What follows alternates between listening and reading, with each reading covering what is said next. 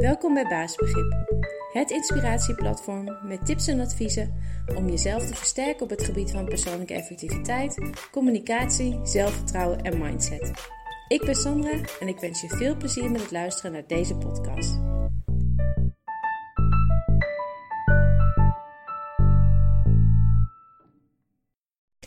En deze keer een podcast en blog over beheersing.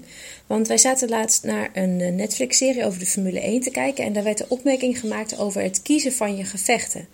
Ehm, en daar zit wel echt iets in, in die opmerking. En volgens mij komt dat neer op beheersing als handige, sterke kerneigenschap. Want als je jezelf kan beheersen qua emoties en gedrag, dan kun je dat gewoon inzetten tijdens een heleboel situaties. Ehm, het levert je ook heel veel op. Ten eerste, uh, nou, je bent in staat om situaties te observeren van een afstandje. Waardoor je gewoon beter aansluit bij wat er aan de hand is. De feiten komen gewoon duidelijker naar voren en jij hebt een helderder beeld van het geheel, inclusief de oplossing en de beste aanpak. Daarnaast ben je ook minder met jezelf en je eigen emoties bezig. En hierdoor, hierdoor zie en hoor en begrijp je een gespreks- of een samenwerkingspartner gewoon beter.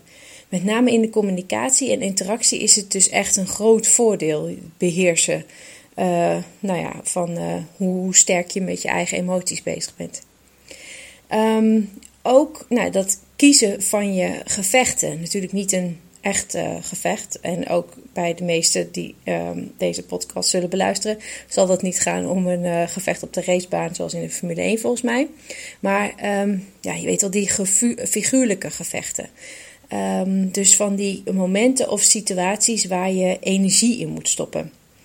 Je beheerst je om je niet overal druk om te maken.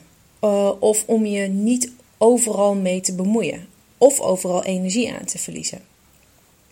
Dus het beheersen van beheersing, dat kan je dus heel ver brengen.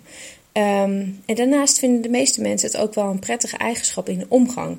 Want iemand die zich kan beheersen of, beheersen of beheersing uitstraalt, die straalt namelijk ook vaak vertrouwen en kalmte uit. Dus een heleboel voordelen aan uh, beheersing. Dus heel veel succes met het um, ja, versterken van jezelf in beheersing.